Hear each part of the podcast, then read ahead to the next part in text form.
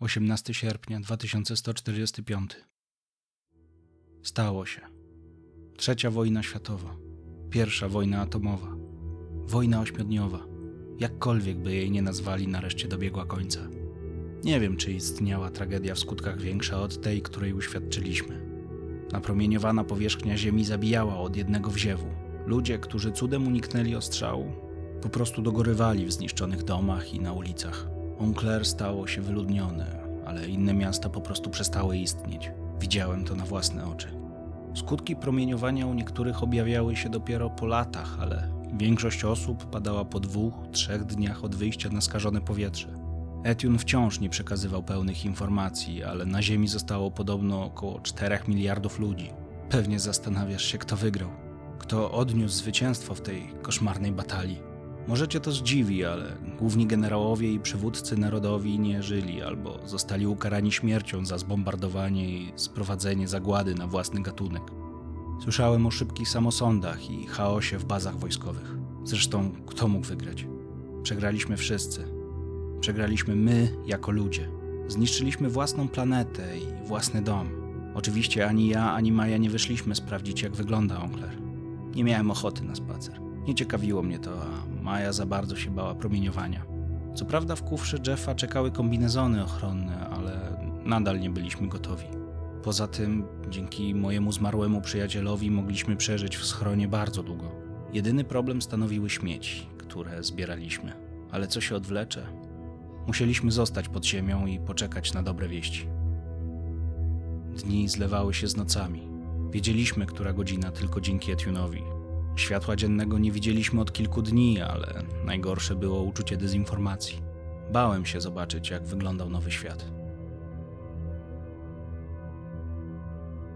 29 sierpnia 2145. Przez ostatnich kilka dni siedzieliśmy w schronie i próbowaliśmy żyć normalnie.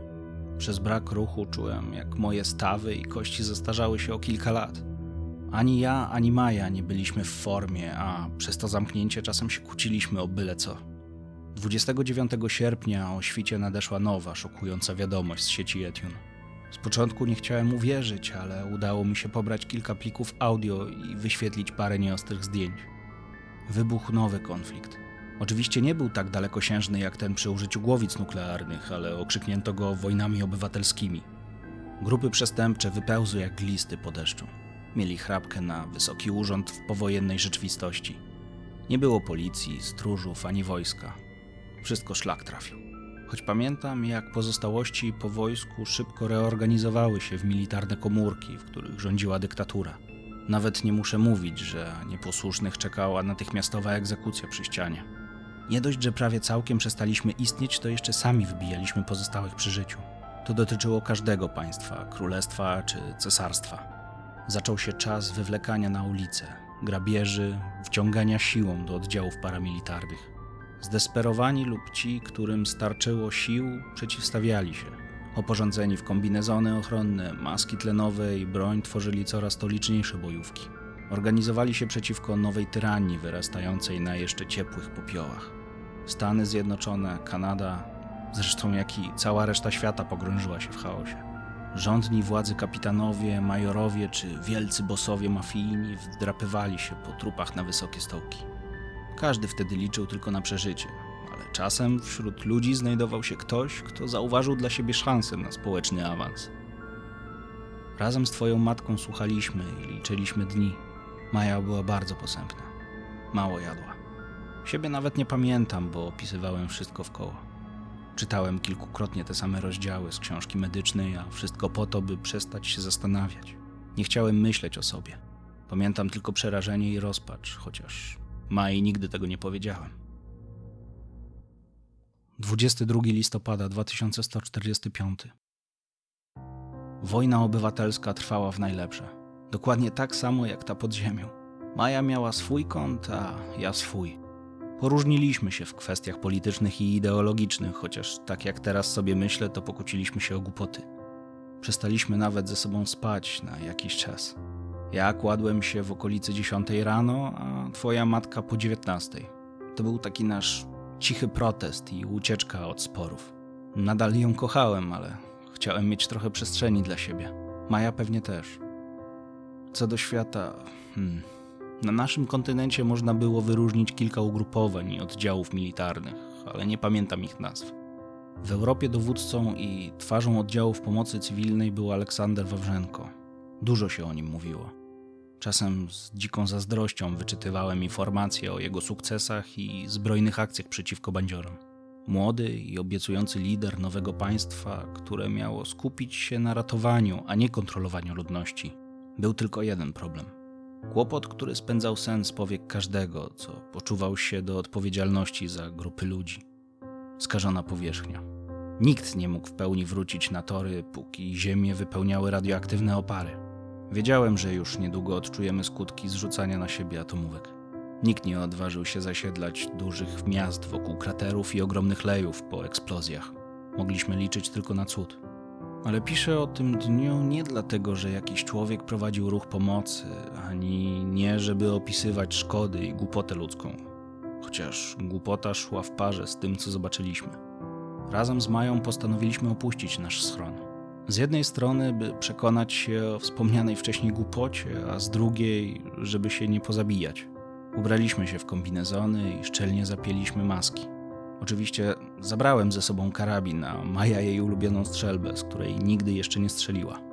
Do wyjścia musieliśmy także zabezpieczyć naszą podziemną kryjówkę. Dzięki sprzętowi z kartonów i odpowietrzaczy zbudowaliśmy przedsionek na schodach i oddzieliliśmy bezpieczną strefę.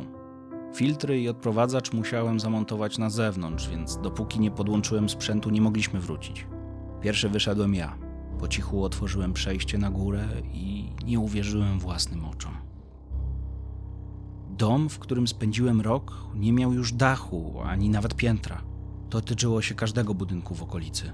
Wszędzie leżały śmieci, dachówki, deski i co gorsza, ciała. Niektóre przepalone na węgiel, inne napuchnięte i zakrwawione.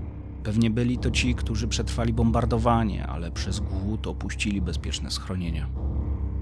Po tak długim pobycie pod ziemią bałem się, że oślepnę od padającego słońca, ale słońca nie było. Wysoko ponad naszymi głowami była gruba warstwa gęstych, czarnych chmur, a w okolicy unosiła się nieprzejrzysta mgła. Strzępy domów walały się po całym osiedlu. Miałem proste zadanie: zamontować filtry, wyprowadzić rury na zewnątrz, nie wdawać się w żadne kontakty z ewentualnymi ludźmi. A, no i jak mi cały czas przypominała twoja matka, wyrzucić śmieci ze schronu. Poziom radiacji na 50-stopniowej skali nie przekraczał piętnastki. Wiedziałem, że istnieją tereny, gdzie pomiar nie miał sensu, ale nie miałem najmniejszego zamiaru sprawdzać powietrza własnymi płucami. Tym bardziej nie po tym, co słyszeliśmy z Mają o chorobach popromiennych. Po godzinnych zmaganiach z turbiną powietrzną i generatorem udało mi się podłączyć całość. Cieszyłem się jak małe dziecko, ale nie pokazałem Mai swojej niepewności co do projektu. Oczywiście musiałem jeszcze wyrzucić śmieci. Wyniosłem z domu kilka kilogramów puszek i zużytych butelek filtrów i rozpuszczaczy. W schronie zrobiło się nieporównywalnie więcej miejsca. Twoja matka uśmiechnęła się i wtedy naszła mnie myśl o nowej misji. Nie wiem, czy to przez zmęczenie, czy może poszukiwałem jakiegoś zajęcia, ale chciałem odnaleźć ludzi i pomóc im przetrwać. Chciałem wierzyć, że nie tylko my zostaliśmy Wonkler. Bałem się, ale musiałem pomóc innym. Jeff na pewno by pomógł, gdyby z nami był. Nie zamknąłby się i nie pozwolił na śmierć tylu osób, gdyby wiedział, że coś może zrobić. Wróciłem do schronu i podzieliłem się moimi myślami z Mają.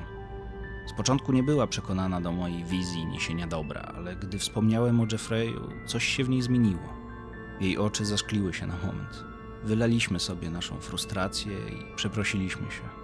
Nawet ja się trochę wzruszyłem. Potem objęła mnie i zastygliśmy w milczeniu. Przed nami otworzyły się nowe drzwi, nowe możliwości. Przerażało mnie niebezpieczeństwo nowego świata, ale razem z Mają mogliśmy go podbić.